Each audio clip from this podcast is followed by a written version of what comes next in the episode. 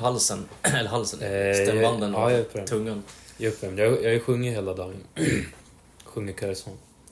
Så jag är, jag är uppvärmd. Ja, ja, men då sitter vi här än en gång i Gustavs eh, hus tänkte jag säga. Det är inte riktigt ett hus, det är en liten stuga. Ja, det är, det är att ta i att Ja. kalla det här för ett hus.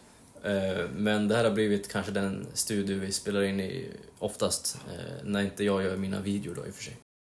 Dagens ämne är ju evig säkerhet. Ja. Och det kontroversiellt ämne har jag fått lära mig och jag Mm. har aldrig förstått riktigt varför. Eh, Jag tycker om det här ämnet och eh, var glad när jag hittade till det här ämnet så att säga för att jag insåg vad det innebar att vara evigt säker i sin frälsning. Eh, Men det är ett hyfsat kontroversiellt ämne idag, i Sveriges kristenhet i alla fall. Och vi går in på det senare, men jag har bara vissa funderingar i den här veckan, eller som jag haft under längre tid. Jag brukar ibland läsa liksom på sociala medier och inom kristenheten i Sverige, det, liksom, det finns ju olika kristna tidningar, eh, olika hemsidor och bloggar och folk lägger ut och så vidare. Eh, och det här med vittnesbörd, Mm. eh, och jag bara fått, jag har läst en hel del vittnesbörd eh, senaste tiden och jag blir lite orolig när jag läser. För så här, vissa, eller många, är väldigt otydliga och oklara i när de berättar hur de kom till tro. Mm. Ett vittnesbörd är ju alltså hur någon Eh, kom till tro, hur någon blev frälst. Och så har ju, varje person har ju en egen resa och det ser lite olika ut från person till person. Men eh, allt för ofta så tycker jag liksom att man läser något väldigt diffust. Och jag tänker, har den här personen verkligen kommit till tro på evangeliet som vi blir frälsta av? Eh, Jag vet inte om du, har du sett något liknande liksom inlägg? Ja. Jag har ju både hört och läst massa olika så kallade vittnesbörd. Eh, inte minst den här som, ja, men vi pratade ju om det. Du delar ju med dig av, Mhm. ja, men det var ju någon kvinna som, ja vad var det? Hon, hon hade sett Jesus i en, en stearinfläck eller något på golvet. Ja. Hade hon sett vad hon tänkte var, det här är ju Jesus. Och hon hade hållit på med new age och greja sig innan det. Ja, precis. Och sen liksom, nej men nu ska jag minsann sluta med det här new age-andet. Jag ska, jag ska bli frälst istället. För jag såg Jesus i en eh, stearinfläck. Men ja, det står ju inte riktigt i Bibeln att det är så man blir frälst. Och inte heller att se Jesus i en pannkaka eller i ett moln. Det är inte heller frälsning. Nej. Fast att man hör såna märkliga saker också. Och folk som säger att de har haft möten med Gud, att de har Mm. sett liksom den uppståndne Jesus och de har kanske sett visioner och drömmar. Om jag får ta en personlig... Jag kom på det nu. Jag ska försöka hålla det... inte kränka någons integritet här. Men eh, personligen har jag varit med om, ja, någon så kallad vittnesbörd. Någon som, eh, som du säger, visioner och drömmar. Och han, han påstod sig hade sett Jesus eh, uppenbara sig för honom i en dröm. Och gav honom massa kommandon och sånt där. Och det var ett väldigt halabaloo över det där. Men eh, ja, det slutade ju med... Det vart inte riktigt så som han profeterade. Den här väckelsen som var utlovad eh, rann ju ut i sanden. Och, ja, det, det är ofta så det brukar kunna vara. Så, Ja, jag tänker på den här versen att we walk by faith, not by sight. Japp. Att vi har ju fått Guds ord och det är det vi kommer till tro på. Vi kommer till tro när vi hör evangeliet predikas mm, och om vi läser ordet. Och så bestämmer vi oss för att lita på det som står. Japp. Eh, Om, Gud, om Gud visade sig för folk, då hade kanske folk kunnat bli frälsta till höger och vänster, men det, det är inte så Gud har löst det. Han, han visar sig inte för människor. precis. För då är det inte tro längre. Gud vill att vi ska bli fräl- frälsta av tro. Och där, där vi ser, där finns det ingen tro. Eh, och det ska komma en tid då det inte längre behövs någon tro, för då ska Gud regera här på jorden. Eh, men den tiden lever vi inte i nu. Japp. Eh, så att, och just evangeliet som vi blir frälsta av i den här tidsåldern är ju just väldigt betonad på just tro. Eh, och eh, då, då visar Gud inte så mycket tecken längre och mirakler och under som han gjorde under tidigare århundraden, Mm. årtusenden, eh, som vi ser i historien. Och jag, jag tror man missar lite grann hela poängen med mirakelunder. Mm, Syftet med mirakelunder, kanske inte det enda syftet, men ett av syftena. Det är just att innan Bibeln var helt färdigställd. Gud visste ju vad som, det här kommer vara Bibeln. Den kompletta Bibeln. Den kommer komma en dag. Ja. Men tänk dig kanske 500 före Kristus, 1000 före Kristus. Då finns inte hela Bibeln med alla 66 böcker. Nej. Så därför talade Gud mer direkt till människan. Ibland bokstavligen direkt Ja. från himlen. Ja. Och eh, ibland genom en profet som fick visioner och drömmar, syner och sånt där. Mm. Men idag behövs inte det, för vi har hela Bibeln. Det kommer inte komma något tredje testamente. Nej. Bibeln kommer inte få någon extra bok efter Uppenbarelseboken. Den är komplett. Så därför behöver inte Gud eh, gripa in på samma sätt. Ja, det är en viktig poäng. Bibeln är ju avslutad. Vi har en fullbordad kanon, som det heter. Japp. Eh, det kommer inte några fler bibelböcker i Bibeln. Eh, och därför är jag väldigt, blir jag väldigt tveksam och väldigt ja, fundersam när någon säger jag hörde från Gud eller Gud sa till mig. Mm. Det hör man ju ganska ofta att folk, kristna kan säga, men det... Nej, det stämmer bara inte. Det är inte så. Alltså Gud kan lägga ner saker i oss, i våra hjärtan, att vi kan få liksom, ett intresse för någonting och en längtan att göra någonting. Eh, speciellt om vi är... Om vi lever i ordet och liksom söker Gud och hans vilja i ordet så, så, så har ju vi en vandring med Gud. Men, men Gud talar inte till oss, han uppenbarar framförallt inte någonting nytt som inte redan finns i ordet. Amen. Ehm, Det finns inga profeter idag helt enkelt. Amen. Inga, inga apostlar heller för den delen. Nej, så jag, jag blir lite orolig när jag... För jag, jag tycker ju ver- verkligen om så här berättelser när folk kommer till tro och blir frälsta. Att, att höra och läsa om sådana här vittnesbörd. Men när jag läser många av dem så, så blir det att ja, men jag kände liksom Guds närvaro eller jag fick en syn eller jag hörde Ja. Gud. Och, eh, väldigt sällan så, så kan man läsa om att ja, men jag insåg att jag var en syndare och jag läste Guds ord eller jag hörde Guds ord predikas och jag förstod att Jesus Kristus är Gud. Han dog på korset för mina synder, tog på sig alla mina synder och tog på sig det straff jag förtjänar. Han begravdes men uppstod igen på tredje dagen. Eh, och jag, jag valde att lita till det och bara på det. Och därför blev jag frälst. Eh, det är sällan man läser liksom någonting sånt utan det är ofta mycket känslor, väldigt mycket känslor inblandat.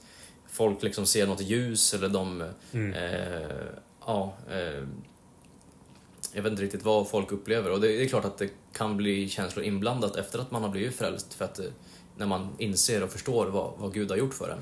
Men det är inte känslorna som frälser en och det är inte, de kommer inte först utan det är i så fall kanske något som kan komma efteråt. Ja, det hänger ihop lite. Det, det är som...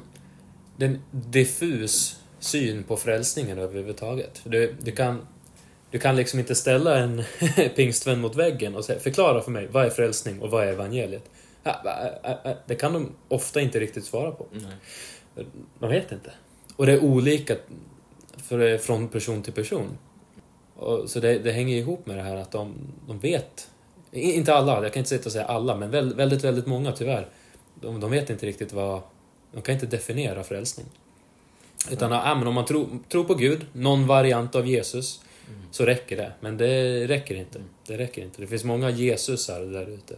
Precis. Falska Jesusar. Ja, det har vi nämnt tidigare. Men det, det hänger ihop allt det här. För att just Ja. att, att det råder en sån förvirring i vad man blir frälst av. Alltså vad är evangeliet om frälsning? Det är, de flesta kristna kan inte beskriva det tydligt och klart och, och koncist. Eh, samma sätt att det beskrivs olika Jesusar där ute. Det finns Mm. en världens Jesus och det finns... Satan har falska, en falsk Jesus och falska Jesusar. Ja. Medan Bibelns Jesus är, är en. Och det är, den, det är honom vi ska tro på. Eh, så det finns eh, falska versioner av biblar, det finns falska versioner av evangelier eh, och falska frälsare. Och falska upplevelser, upp, fa- falska frälsningsupplevelser som kan vara Ja. väldigt känslosamma och kännas verkliga. Och de är verkliga på det sättet att vi, vi lever ju ändå i en andlig verklighet. Eh, så jag tror att många människor har upplevt ja, men, obeskrivliga saker Ja. eh, som har gjort starka intryck på dem. Eh, men tyvärr så har de lurat sig själva eller blivit lurade att de är frälsta men de inte är det egentligen. Ja. För om det är någonting Satan vill göra så är det att hindra folk att, från att bli frälsta. Och då vill han också eh, gärna göra så att folk som är kanske lite andliga och söker efter det här eh, kan, kan uppnå en slags falsk frälsning och, Ja. och, och leda folk vilse helt enkelt. Ehm, så det, det är något man måste akta sig för och vara medveten om att det finns där ute. det finns eh, folk som påstår sig vara kristna och kanske tror att de är kristna och frälsta, men inte är det. Och, och jag vill inte gå, jag går inte runt och tror att alla kristna är ofrälsta, att det är bara jag och Gustav här som sitter och är frälsta på riktigt. Det är inte det jag Absolut menar. inte. Men det jag, måste, det jag säger är att det måste finnas en medvetenhet om det här. Ja. Och det är någonting som det inte talas om alls i kristenheten idag, utan man köper allt med hull och hår. Någon kommer in och säger att de är frälsta och är kristen och ja, då är du en del av liksom, gemenskapen och Mm. en del av Kristi kropp här. Men, men så kanske inte är fallet. Eh, och- sen för att nyans- nyansera mig ytterligare kan jag ju säga så här att det finns säkert de som har varit andligt sökande och varit kanske in, inom new age och annat och sen så har de haft lite så här konstiga upplevelser och, som har fört dem in på rätt väg sen, att de har börjat eh, intresserat sig för Jesus och för Bibeln.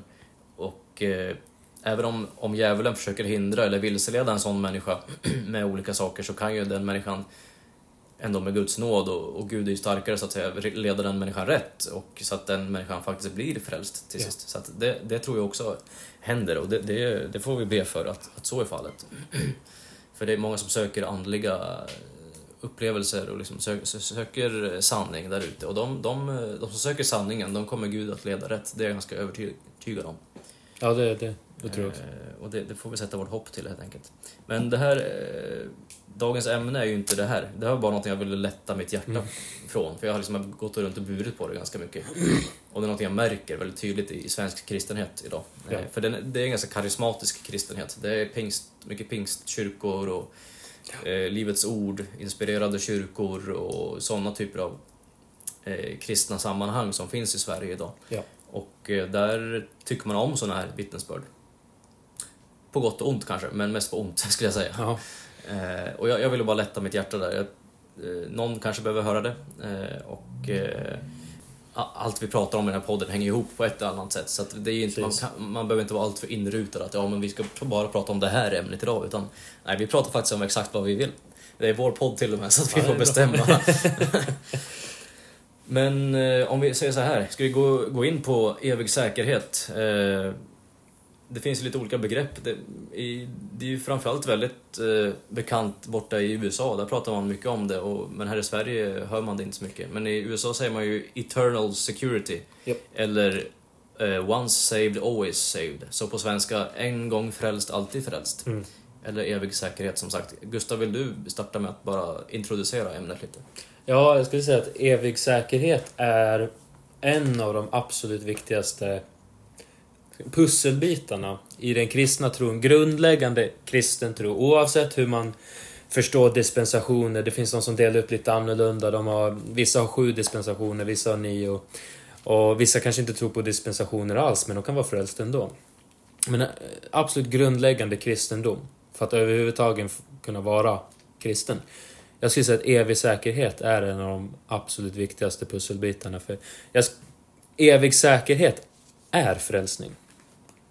Om du inte är, säker i din frälsning, då har vi ett stort problem. Om du inte är trygg och säker i att du är friköpt, du är räddad, Jesus har betalat din synd. Kan, är du verkligen frälst då? Det kan man undra sig. Mm. Om du, alltså, du, om du inte vet vem din far är, om du inte är 100% säker på det. Nu kanske jag går händelserna lite i förväg. Mm, men vi kommer nog in på det. Ja.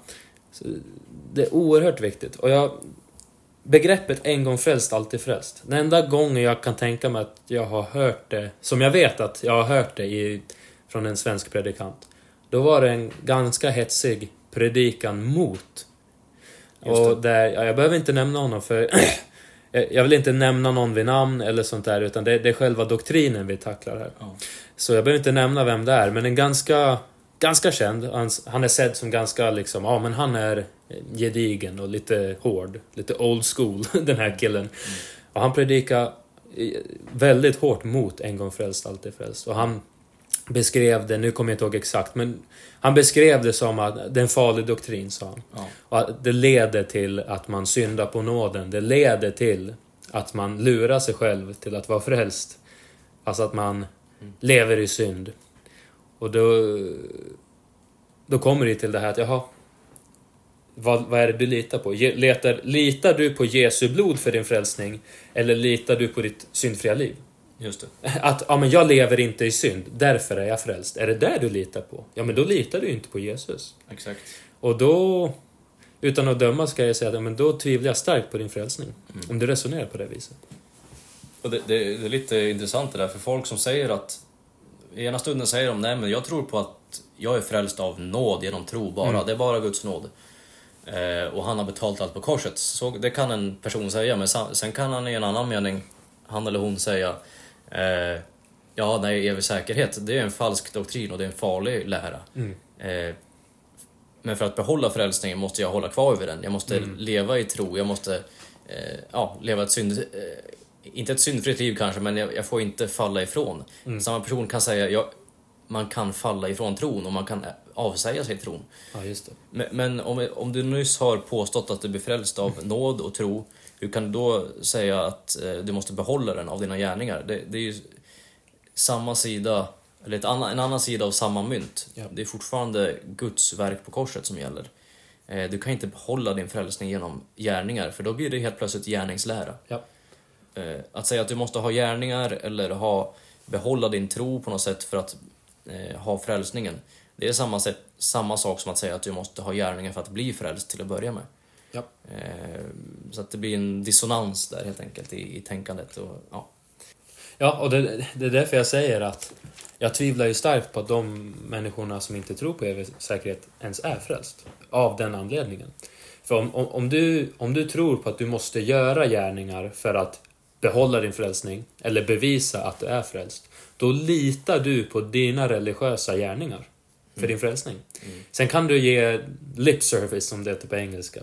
Alltså att... Läpparnas bekännelse. Ja, munnens bekännelse på att nej men det är bara nåd, det är bara nåd. Men i ditt hjärtas hjärta så tror du att ja, men om du slutar gå till kyrkan och läsa Bibeln och så går du till krogen istället, ja men då har jag förlorat min frälsning. Om jag lever i synd, ja då litar du på din förmåga att gå till kyrkan, din förmåga att läsa Bibeln och leva som en kristen. Du litar inte på Jesus ställföreträdande verk på korset. I alla fall inte till 100%. Du kanske tror att det har skett. Du kanske tror att det är en del av din frälsning. Du kanske tror att utan det så skulle det inte kunna bli frälst. Men det räcker inte med det. Du måste lita 100% på vad Jesus gjorde på korset. Mm. Inte dina gärningar.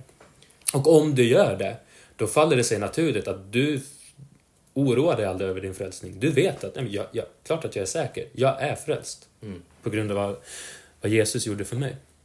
Ja, du nämnde att de som tro, inte tror på evig säkerhet kanske inte är frälsta. Jag, eh, om vi säger så här, folk som predikar mot det och är starka motståndare mot det, de skulle kunna ifrågasätta deras frälsning för de verkar ju kanske ha ett litet annat evangelium.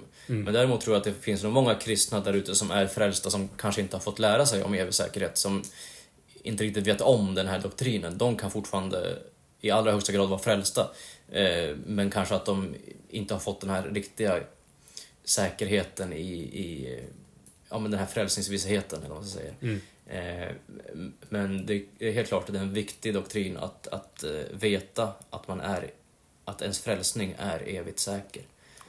Eh, frälsningsvisshet, det är liksom det här, den saliga vissheten som vi sjunger om i, Precis. i, i sånger och psalmer och så vidare. Ja.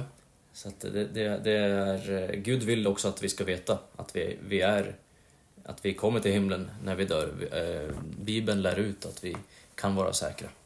Jajamän. Jajamän. Ska vi hoppa in lite direkt? Anledningarna varför? Ja, men då börjar jag så här, om vi ska läsa lite, läsa lite grann från Bibeln. Eh, för det jag tänker på först och främst när det kommer till evig säkerhet, det är att eh, helig ande är som ett sigill, står det i svenska översättningarna. Ja. Ett sigill, det är som en stämpel eller ett insegel eller en garant.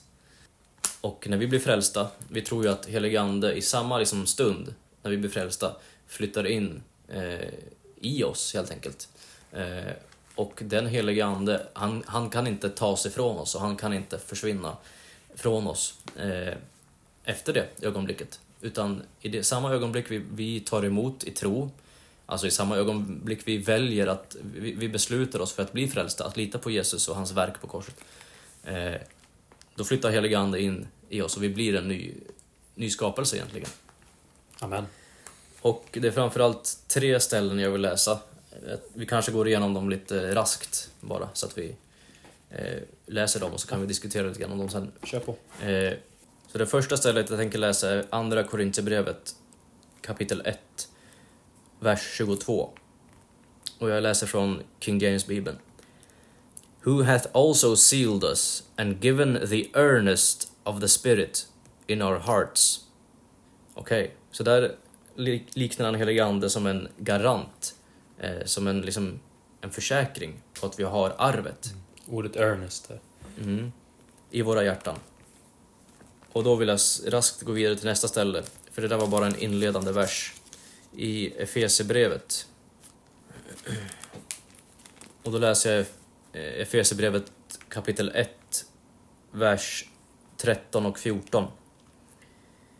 In whom ye also trusted, after that you heard the word of truth, the gospel of your salvation in whom also, after that ye believed, ye were sealed with that Holy Spirit of promise, which is the earnest of our inheritance, until the redemption of the purchased, purchased possession, unto the praise of his glory. Okej, okay, det var mycket ord här, men om man ska ta lite på svenska här, att alltså i vilken ni litade när ni hörde eh, sanningens ord, evangeliet om er frälsning, i vilken också, eh, efter att ni eh, kom till tro blev förseglade med den helige Ande, eh, med löftets helige Ande, alltså ett, bär, bär ett löfte med sig.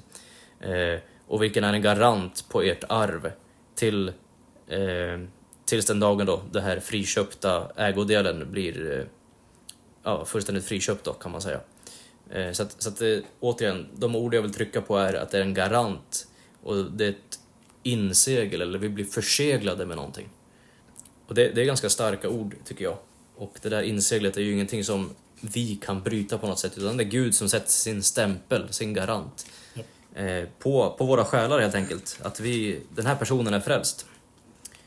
Vi läser också i, fjärd, i samma bok, Efesierbrevet, fjärde kapitlet, vers 30. And grieve not the Holy Spirit of God, whereby ye are sealed unto the day of redemption. Ja, och just det, på svenska blir det att bedröva inte den heliga Ande eh, med vilken ni är förseglade till förlossningens dag. Mm. Eh, så förseglade helt enkelt. Jag tänker mig på så här ett brev som man förseglade med ett sigill förr i tiden. Nu gör man inte det på samma sätt. Eh, men en kung till exempel som förseglade ett brev med sitt sigill att det här är eh, mitt brev och det kanske var något viktigt som stod där i. Eh, och, eh, men i det här skriver ju Paulus om oss, om de kristna som har blivit förseglade med den helige Ande som ett sigill. Så att eh, det var lite verser där om, om, om sigillet, om ja.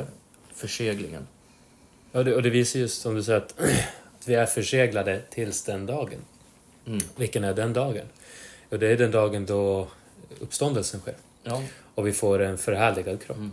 Uppryckandet för Kristi kropp helt enkelt. Precis. Så tills den dagen, för då behöver vi inte längre vara förseglade. För när du får en förhärligad, syndfri kropp, mm. då, då är du perfekt, då är du rättfärdig.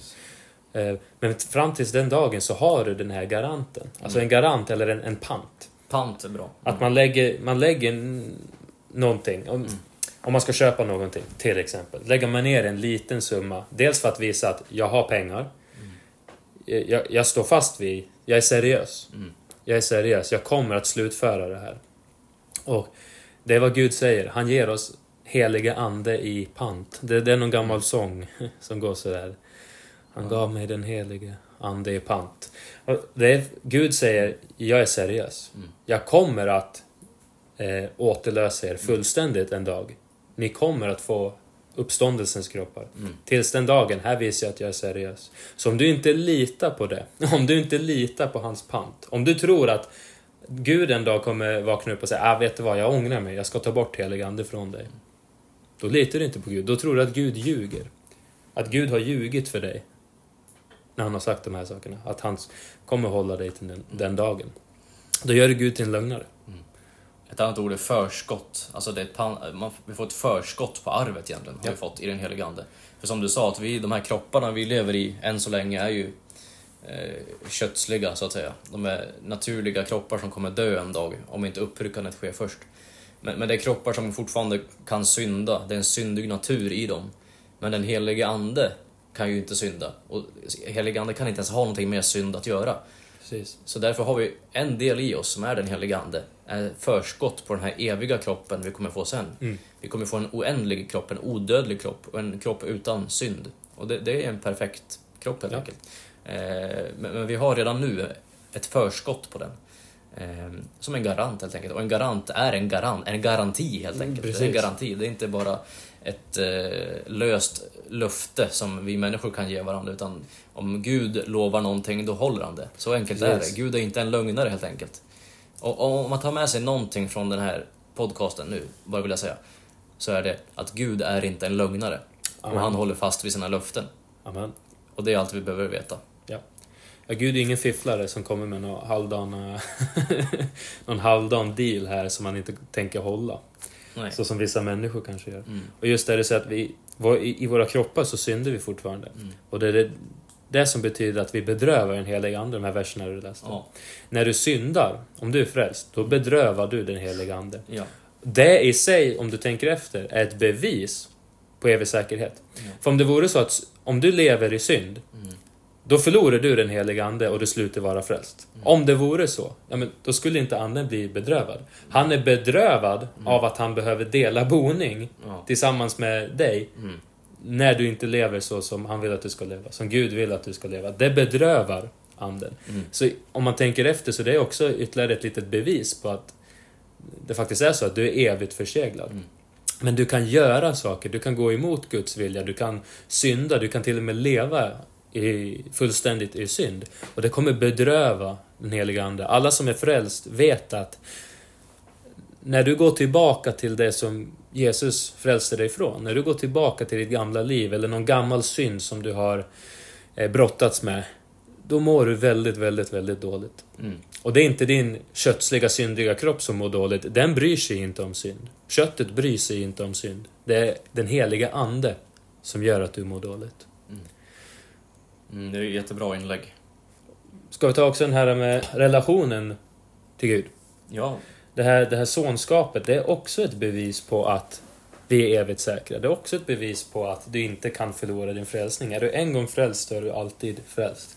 Bara lite inledande så kan jag läsa från Johannes evangeliet. Och det är kapitel 1 och vers 12. Där Bibeln säger så här.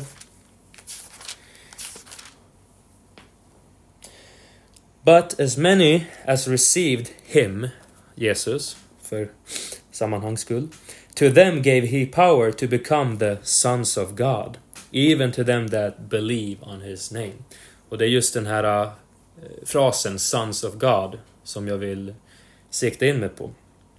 Eh, begreppet på nytt född kristen är vanligt. Och jag tror att alla som är frälst, de, de har hört det, de har sagt det. Och många människor, ja men de känner igen på nytt född kristen. För det är det du blir, när du blir frälst. När du tar emot honom.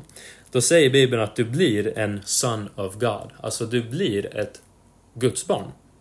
Det brukar vi också säga, eh, att jag är ett Guds barn. Det är inte alla som är Guds barn, utan det är bara de som är frälst som är Guds barn. Och vad är det... Vad vill jag säga med det? Vad, vad har det med det här att göra? Jo, när du blir frälst så upprättas en relation med Gud. Men det är inte vilken relation som helst. Gud blir inte din kompis. Gud blir inte din rumskamrat, utan Gud blir din far. Det är ganska stort att tänka att allsmäktig Gud, skaparen av hela universum, blir din far när du tar emot hans son Jesus Kristus. Liksom en far kan aldrig någonsin sluta vara far till sitt barn. Och ett barn, nu pratar jag rent kötsligt, kan aldrig sluta vara barn till sin far. Exakt samma sak är det med Gud. Om du som lyssnar, du kanske inte har barn, du kanske inte är pappa eller mamma. Men du har en pappa eller mamma. Och rent, jag tror alla förstår det här också. Tänk dig att du hade ett barn. Men om du har barn. Hur långt måste dina barn gå för att de ska sluta vara dina barn? Hur långt måste du gå för att dina föräldrar ska sluta vara dina föräldrar? Och varje empatisk, en, en empatisk människa skulle ju säga att nej men, eh, det finns ingen sån gräns. Det, det finns ingen sån gräns. Det spelar ingen roll vad de gör. Ja, de skulle såklart göra mig besviken. Eh, jag har gjort mina föräldrar besvikna mer än en gång. Men jag har aldrig någonsin varit rädd för att jag kommer sluta vara deras son. Det kan helt enkelt inte hända, för du kan vara tvungen att tukta dina barn, bestraffa dem på något, på något vis. Och det kanske till och med är så att du har en helt sabbad relation till dina barn på grund av att de fullständigt går emot din vilja. Och vill, de vill kanske inte ens ha med dig att göra. Men du slänger inte ut dem ur familjen. Och även om de väljer att gå bort och säga jag vill inte ha med dig att göra, jag vill inte att du är min pappa längre. Om man skulle ta ett DNA-prov på det barnet skulle fortfarande komma tillbaka positivt. Om man skulle se vem fadern är, för DNA ljuger inte. Mm. Så även en troende människa som eh, faller tillbaka så fullständigt i sitt gamla liv. Så att de säger, vet du vad Gud, jag vill, jag vill inte ha med det att göra. Jag vill inte be. Jag vill inte läsa någon, läsa någon mer i Bibeln. Jag vill inte gå till kyrkan. Jag vill inte ha med det att göra. Den, det är en kristen, det är sorgligt, som har helt sabbat sin relation till Gud. Men skulle du ta ett andligt DNA-prov på den människan så skulle du se att det här är fortfarande en son. En gång en son, alltid en son. Och jag tror inte det är många som riktigt tänker på det. Utan man säger, ja men jag är Guds barn, och du blir Guds barn, och jag är född på nytt. Men de tänker inte på, men vad är det för typ av relation? Och Gud använder det här som en symbol, just för den eviga säkerheten. Just för att du ska känna den här tryggheten i att min far kommer inte att lämna mig. Precis. Nej, men det är viktigt, eller ja, en viktig sak som du tar upp i det här, allt det här, det är ju att vi kan välja att gå ifrån Gud. Vi kan välja att leva i den här världen och strunta i Gud efter att vi blir frälsta. Det är möjligt att leva ett sånt liv som kristen. Leva som en världslig kristen helt mm. enkelt. Men vi kan inte förlora vår frälsning. Eh, det vi kan förlora däremot, det är ju belöningar i livet efter detta, i evigheten. För vid uppryckandet, där alla kristna kommer vara med, levande och döda, kommer ju vara med i uppryckandet, där vi får vår härlighetskropp. Vid samma tillfälle, eller i alla fall i nära anslutning, kommer ju då Kristi domstol att äga rum. Eh, och det kan man läsa om i Första Korinthierbrevet kapitel 3. Eh, vi går inte in på det så mycket nu kanske för att det är ett djupt ämne i sig. Men i alla fall, där står det ju hur vi kan samla guld, silver och ädelstenar. Mm. Och det är ju de eh, bra gärningarna vi gör i vår dagliga vandring med Gud och att vi lever ett gudfruktigt liv och, och lever i Guds vilja och, och, läser hans ord och studerar, studerar hans ord och förstår oss på hans ord och eh, förstår oss på Gud. Eh, det är ju saker som lägger upp eh, bra byggstenar eh, för, för evigheten. Och det blir en belöning på det. Men vi kan också lägga upp trä, hö och halm. Ja. Och det är saker som inte kommer bestå provet, för det kommer vara ett prov av, eld. Ehm, så alla dåliga saker vi gör, allt som inte var gjort i tro och allt som inte var gjort för att eh, ge ära åt Gud kommer ju att brinna upp och, och, och då blir det ingen belöning på de sakerna. Så, så det är möjligt att som kristen stå helt utan belöningar i, i evigheten och det tror jag är ganska hemskt om jag ska vara helt ärlig. Det är klart bättre än att eh, hamna i helvetet, men, men att, vara, att bara vara frälst och sen bara stå där och, och, och liksom ha allt, allt, alla sina verk nedbrända och stå där och lukta rök. Liksom. Eh, det, det, tror jag inte kommer vara så kul. Det kommer, man kommer att skämmas på den dagen när man står framför sin skapare och frälsare och inte har någonting att erbjuda som liksom förhärligar honom. Eh, så det är ganska allvarliga saker ändå. Vi, vi sitter ju inte här, när vi predikar evig säkerhet, sitter inte vi och predikar ja, det är okej okay att leva i synd, det är okej okay att leva precis som man vill för att du kan inte förlora din frälsning. Tvärtom hoppas jag att vi här och den här, det här programmet ska kunna eh, ta upp eh, synd och ta upp liksom sådana här viktiga frågor och ämnen och predika hårt mot synd och sådana eh, och, och, liknande liksom ta upp eh, heta frågor så att säga. Eh, utan att eh, skämmas och utan att vara rädda för att, eh, vad världen tycker. Tror både jag och Gustav att det krävs mer predika mot synd och att leva ett helt liv, för, för det är vad Gud vill. Mm. Men det, jag tycker det går hand i hand med, med att predika evig säkerhet. För frälsningen, det är inte upp till oss. Men sen vår vandring med Gud, det är faktiskt upp till oss. Med Guds hjälp förstås och i Guds kraft. Vi kan inte vandra i, i egen kraft. Eh, men, men vi har ett val varje dag att vandra med Gud och, och leva efter hans ord. Eller att inte göra det. Men frälsningen, att komma till himlen så att säga, att få våra synder förlåtna, det är en engångshändelse som Kristus har gjort eh, på korset. Jajamän. Jajamän, exakt så är det. Jag skulle vilja läsa en till vers också. Det kanske inte är ett, hel, ett helt, helt argument i sig, men det blir som en liten Mm. punkt på det hela. kanske. Ja. Det är just det här att när du är frälst. Eh, Bibeln liknar det vid att du är i, i Faderns hand. Mm. Och att... Ja, jag, ska lä, jag vill läsa om två verser om det. Vad, vad det innebär. Vad det får för betydelse. Eh, när du är troende, då Gud håller dig i sin hand. Om vi läser från, återigen, Johannes evangeliet Kapitel 10, verserna... Jag tar 27, 28, 29. Då säger Jesus så här. My sheep hear my voice, and I know them, and they follow me. And I give unto them eternal life, and they shall never perish, neither shall any man pluck them out of my hand. My Father, which gave them me, is greater than all, and no man is able to pluck them out of my Father's hand. Så när du tar emot honom, du blir inte bara född på nytt, utan du blir placerad i Guds hand. Och Jesus säger att no man, alltså ingen, ingen människa, kan plocka den troende ur Faderns hand. Eh, det inkluderar även dig själv.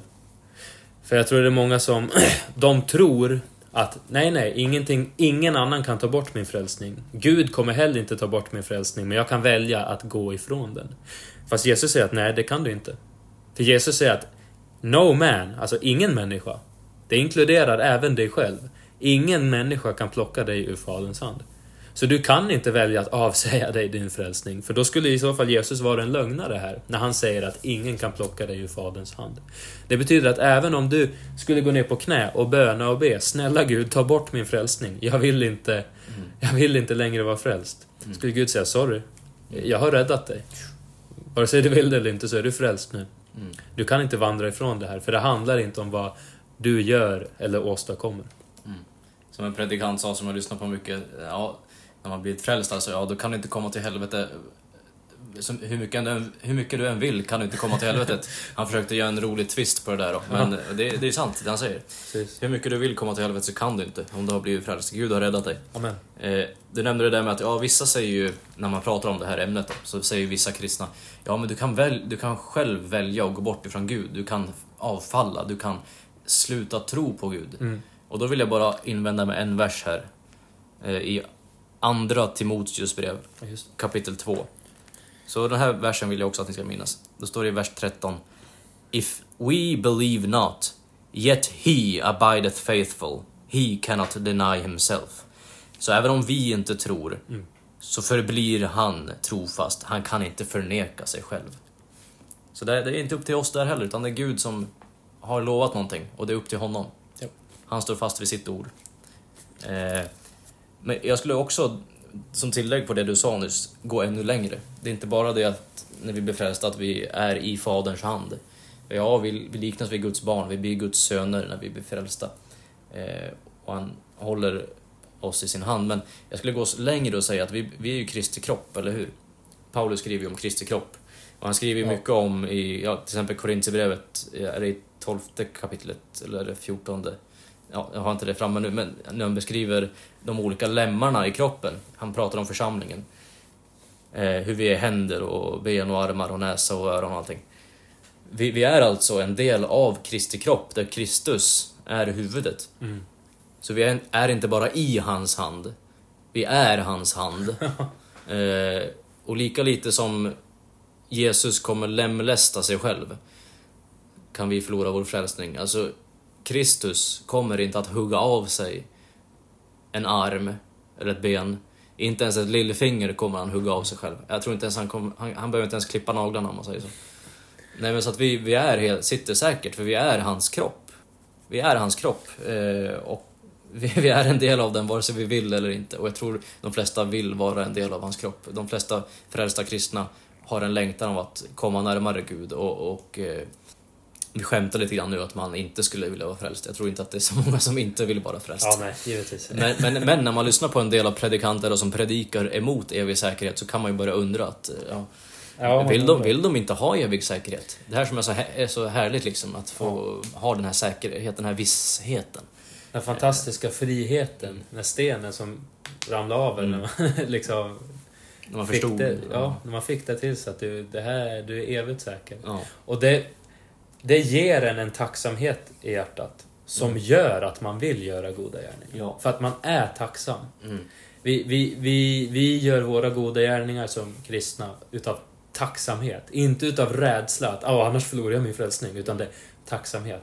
Jag vet att oavsett vad är du min far. Mm. Men eftersom du är min far eh, så vill jag ära dig och jag vill göra din vilja. Mm. Ja, det är bra grejer. Och, samma, samma personer som predikar emot evig säkerhet, det är sällan man hör att de kan förlora frä- frälsningen. Det är ofta andra de pekar på. Ja, exakt. Som alltid någon är annan. syndig, syndare liksom så här att... Eh, eh, ja, Ja, de själva är ju säkra på att de är frälst, men det är alltid... precis. Man, man kan undra hur de personerna kan vara så säkra på att de är frälsta då. Precis. Egentligen är det ju ett enda stort högmod. Om du tror att du kan förlora... Kan jag få säga det här? Om du tror att du kan förlora din frälsning, men att du själv inte ligger i farozonen, då är du högmodig. Mm. Du är stolt. Vadå, tror du att du inte syndar? För det, det är lite så här. Ja, men om du syndar förlorar du din frälsning. Okej. Eh, Vet du hur lite som krävs för att det ska vara en synd? Mm. När Bibeln säger att till och med en, en dåraktig tanke är synd. Och Bibeln säger att allt som inte görs av tro är synd. Mm. Så du kära lyssnare som kanske tror att en människa kan förlora sin frälsning. Ja, då kan jag säga att du, du har redan förlorat den idag, flera gånger om. Ja. Och du kommer förlora den imorgon också. Om du kan, om du kan förlora din frälsning, var det en pred- predikant som sa. Mm. Då skulle du ha gjort det för länge sedan. Ja.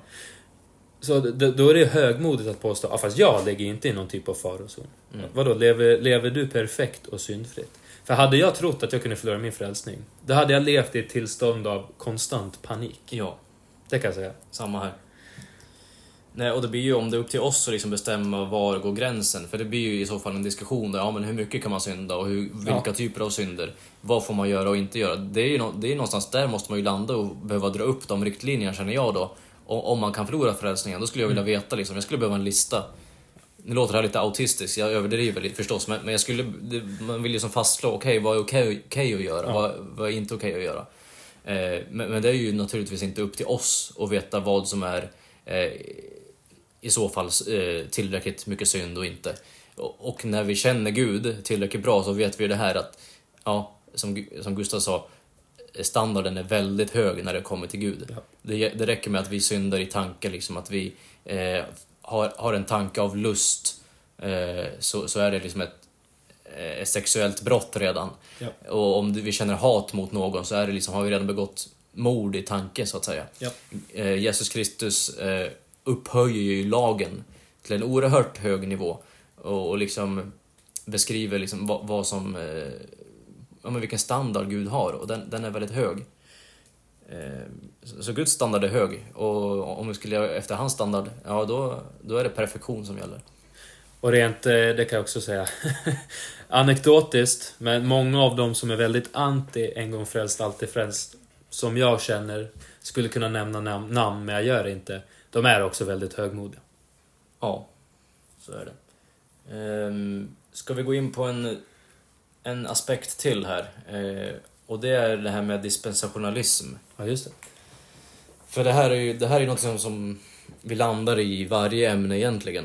Eh, Ja. Och när vi pratar om sund lära, vi vill ju lära ut sunda doktriner eh, och försöka varna mot falska doktriner, så är det ju här att falska doktriner, falska läror, alltid, nästan alltid kommer från att man inte delar upp sin bibel rätt. Ja. För jag menar, vi kan lära ut oerhört mycket falska läror på ett bibliskt sätt. Vi kan läsa ur bibeln och citera jättemånga verser och eh, lära ut saker och ting som inte är rätt för vår tidsålder. Så även med det här ämnet, att evig säkerhet. För när man lyssnar på folk som argumenterar mot det här, de kan citera sin bibel eh, och de kommer ofta med eh, lite så här, eh, ja men, förnuftig uppsyn och ja men så citerar de kanske från evangelierna, Matteus eller någonstans. ungefär som att jag aldrig har läst Matteus liksom. Mm. en av de böckerna jag har läst flest gånger faktiskt. Men i alla fall så, eh, jag, jag, vet mycket väl, jag kan själv citera de här verserna, eh, där eh, det står klart och tydligt, svart på vitt, att vi kan förlora vår frälsning. Eh, för, för det finns i Bibeln. Det finns på många ställen. jag skulle hävda att det finns på fler ställen än vad, vad det finns eh, bibelverser om evig säkerhet. Det vi nu argumenterar för. Eh, så, så att eh, ja, du kan vara biblisk och lära ut en doktrin där du säger att man kan förlora sin frälsning. Det var det jag ville ha sagt med det. Ja. Och det där hänger ju ihop med att alltså, Gud har olika regelverk för olika grupper under de olika tidsåldrarna. Så enkelt är det. Mm. Det här äh, som vi pratade om, att vi blir förseglade med helig ande. Mm. Ett sigill som inte kan brytas. Det är unikt för nådens tidsålder. Ja. Det är unikt för Paul, Paulus evangelium. Ett exempel, kung Saul i Gamla Testamentet. Bibeln säger, jag kan inte ta fram det för jag vet inte exakt vad det är, men det är en känd, känd mm. Eh, bibelberättelse. Att han inte bara förlorade Guds ande. Gud tog inte bara bort sin ande, utan han skickade dessutom en oren ande. Just det. När, han försöker, när, när kung Saul försöker döda David. Just det, han är tvungen att spela på harpan där för att eh, stävja den här onda anden. Precis. Ja. Precis. Och kung Saul dör i det tillståndet. Ja. Så förmodligen kan man argumentera för att kung Saul förlorade sin frälsning, om man kan ens ja. säga det på det sättet. Mm. Samt att kung David skrev i psalm 51 och vers 11 Take not thy holy spirit from me. Ja. Alltså han vädjar till Gud, ta inte heliga ande från mig. Ja, ah, titta, du kan förlora den heliga ande, säger de. Ja, men när skrev David det här? Och vilket system lydde han under? Var han under nåden? Var han under Paulus evangelium? Nej, han var under lagen. Ja. Så det, det, mm. det är så det är. Och eh, samma, om vi tar till exempel eh, när Jesus har sitt eskatologiska tal, som det brukar kallas. Mm. Det finns ju eh, beskrivet i Matteus 24 bland annat, men det är även i parallellställen i ja. Lukas och Markus. Markus 13, Lukas 21. Ja. Eh, så, och där pratar ju Jesus om en kommande tid som inte har kommit än. Mm. Eh, vedermödan, som inte vi kommer vara en del av. Eh, tur nog. Amen. Eller tur ska man inte säga, det, det är så. Och jag är glad för det. Ja. Men eh, i alla fall, och där står det ju när vid Jesu återkomst så kommer han skilja liksom människorna åt vid en dom där. Eh, som han skiljer getter och får, tror jag det står som. Ja. Eh, fåren på höger sida och getterna på vänster sida. Eh, och eh, vissa kommer då säga Herre, Herre, har inte vi profeterat i ditt namn? Har inte vi drivit, drivit ut onda andar i ditt namn? Och så vidare. Det här är uppenbarligen folk som har trott på Jesus och använt hans namn till och med och mm. gjort mirakler och under i princip. Men eh, som Jesus säger då till de här, gå bort ifrån mig, jag känner er inte. Mm. Jag, har aldrig, jag har aldrig känt er. Eh, det kan ju dels syfta på folk som kanske bara har haft en läpparnas bekännelse och kanske inte trott egentligen. Men det finns en aspekt i, de här, i det här att folk har varit troende men förlorat sin frälsning. Mm. Vi vet ju att folk kommer för, kunna förlora sin frälsning i vedermödan av den enkla anledningen att den som tar vilddjurets märke yep. eh, kommer kastas i, eld, eh, i helvetet. Så är det. Och sen i eldsjön då. Men först i helvetet. Så är det. Eh, och, och, det är den återvändsgränd där. Det är helt omöjligt att bli frälst om du har tagit märket. Och även om du var frälst och sen tog märket så, så är det, det är kört. Um, Men gudskelov så kommer vi vara borta. ja. Innan märket ens kommer. Vi kommer inte vara här på jorden samtidigt som märket finns här. Precis. Det är en falsk lära. Och det, mm. Av den anledningen så är jag också... Eh, och det ska bli definitivt ett eget avsnitt, det här med uppryckandet och eh, den, det imminenta uppryckandet som vi tror på. Det vill säga att det sker innan vedermödan. Det är en jätte, jätteviktig doktrin. För mm. Här doktrinen att uppryckandet sker under eller efter vedermödan, den, det är en farlig och falsk doktrin. Som i och för sig inte har slagit så stor rot i Sverige. Men bland många kristna samfund världen över. Så jag skulle säga att det är nästan en vanlig uppfattning. Ja. Nej, så att det finns, eh, till alla de där ute som är lite osäkra på, men jag har hittat mycket verser i Bibeln där man kan förlora frälsningen och där Eh, Jesus själv varnar mot det här. Mm. Liksom. Eh, så eh, misströsta inte, utan det allt som står i Bibeln är sant. Men dela upp din bibel rätt så kan du placera det i rätt, Ja. eh, i rätt tid helt enkelt. Ja. Ehm, och även när du läser de hebreiska epistlarna, eller vad man ska kalla det på svenska, man brukar säga Hebrew epistles på engelska. Mm. Eh, och det är alltså från Hebreerbrevet hela vägen till eh, Uppenbarelseboken. Alltså he he hela bibeln efter Paulus skrifter. Eh, det är annan doktrin som man läser i de breven, till exempel Hebreerbrevet, Jakobsbrevet, Petrusbreven, Johannesbreven och så vidare. Eh, det, det är annan doktrin för att det är inte skrivet till oss, direkt till oss idag. Det finns, du kan göra andliga applikationer och du kan hämta mycket. Det är fortfarande Guds ord och vi ska läsa hela Bibeln. Det här är saker som vi måste upprepa gång på gång. Vi läser hela Bibeln och vi tror på hela Bibeln. Men som doktrin direkt till oss idag är det Paulus skrifter som gäller först och främst.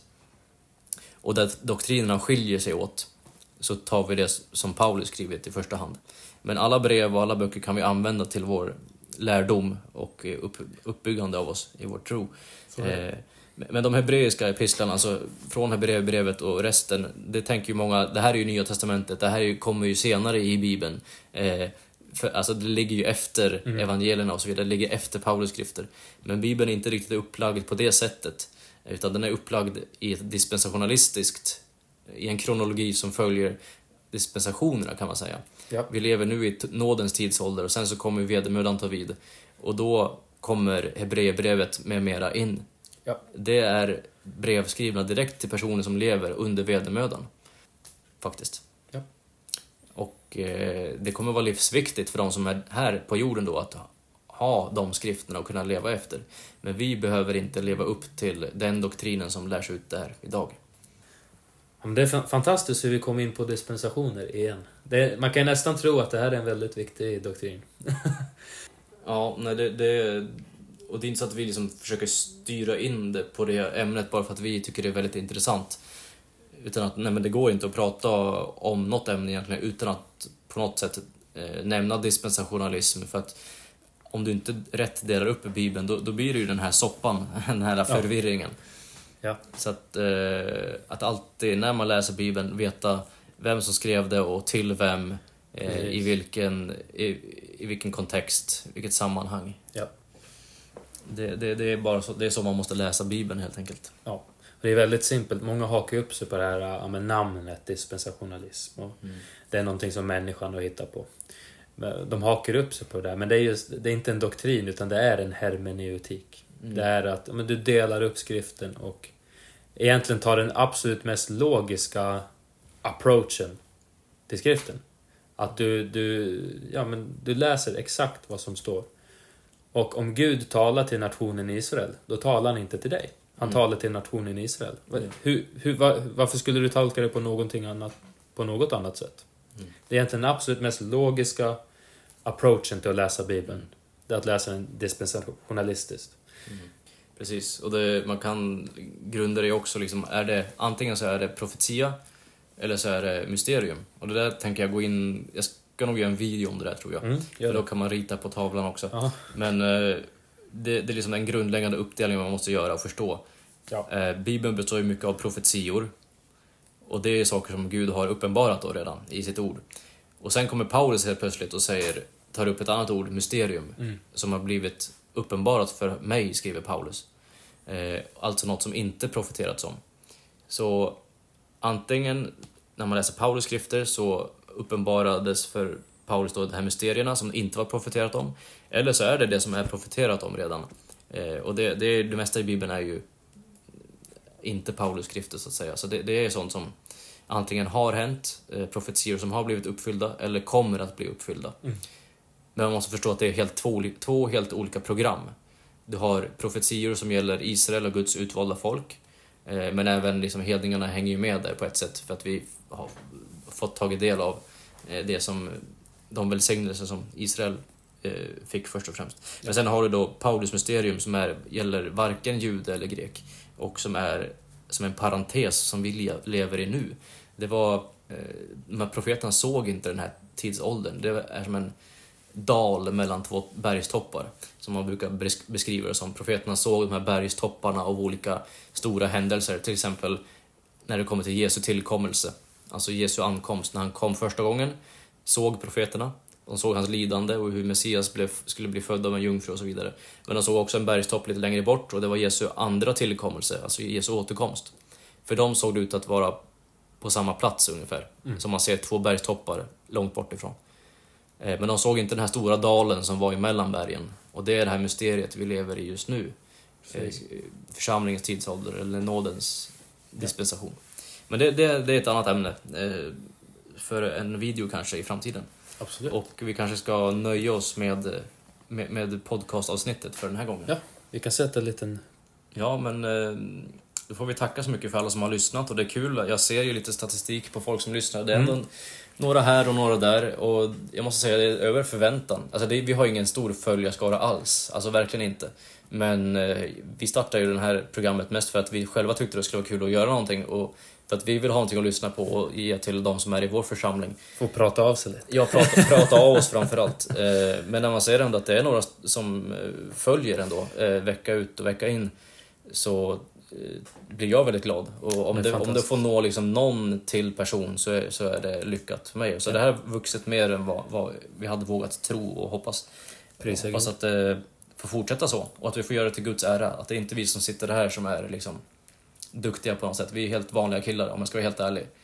Vi är två killar som inte har varit frälsta allt för länge men vi, vi har en varsin bibel Ja. och vi tror på den och vi tycker om att läsa den och vi vill förstå den och vi går in med ett ödmjukt hjärta och eh, söka Gud i, i hans ord och eh, förstå hans ord bokstavligt och läsa hans ord bokstavligt. Och då, då kommer såna här saker. Då, då, får man, då visar Gud såna här saker för en i, i ordet. Och, Ehm, ja, det, det är helt fantastiskt. Så jag hoppas att eh, alla ni som lyssnar också läser ordet eh, dagligen och eh, verkligen har en längtan och vilja studera Guds ord. För det är verkligen det viktigaste skulle jag säga i, i ens vandring med Gud. Det är att studera ordet.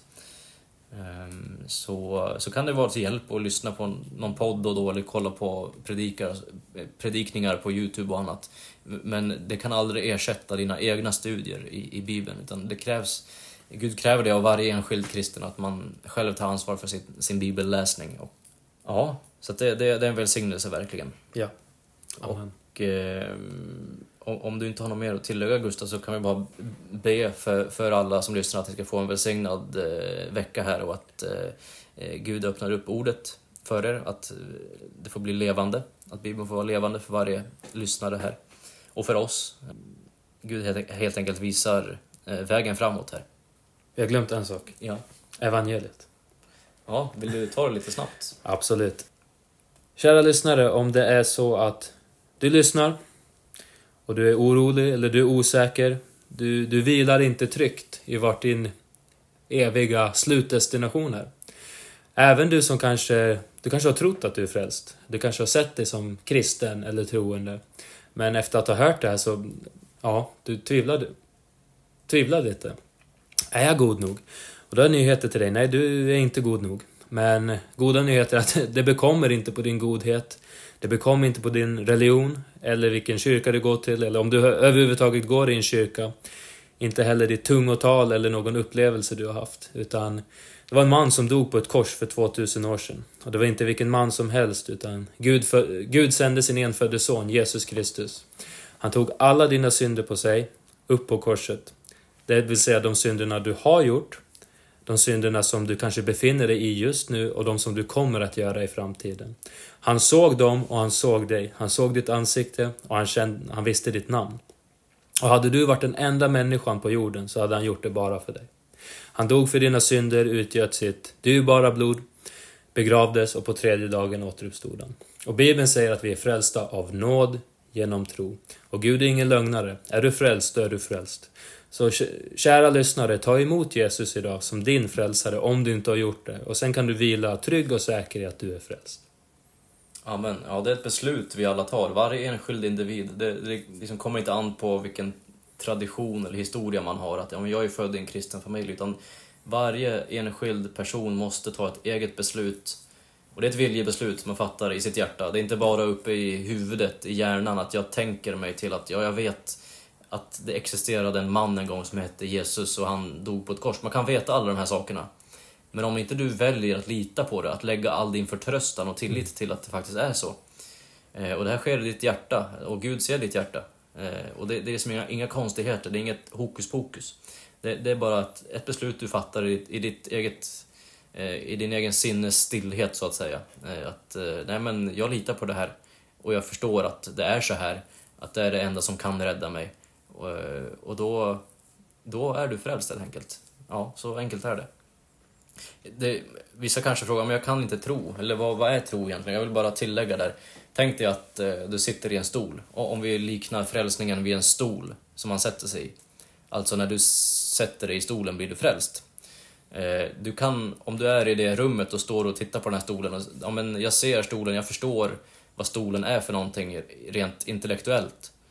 Men så länge du inte väljer att sätta dig i stolen så är du inte frälst. Mm. Du, du, kan på alla sätt och vis förstå dig på stolen eh, med det, din kunskap. Men om inte du väljer att sätta dig, det är alltså en viljehandling. Eh, så länge du inte gör det så blir du inte frälst. Men när du väl väljer, alltså sätter dig, det, det är ett steg i tro. Det är det som är ett steg i tro. Vi, vi gör någonting som kanske känns lite läskigt. Tänk om stolen brakar, kanske man ändå tänker. Tänk om den inte håller. Men, men den kommer att hålla. Men, men, hur som helst så måste du liksom helt enkelt göra handlingen att sätta dig i stolen. Det var bara en liten bild, folk ska få en bild i huvudet sådär. Jag lägger till det. Ja men eh, Guds rika välsignelser till er alla. Eh, så hörs vi och ses vi eh, nästa gång. Hej då. Hej då.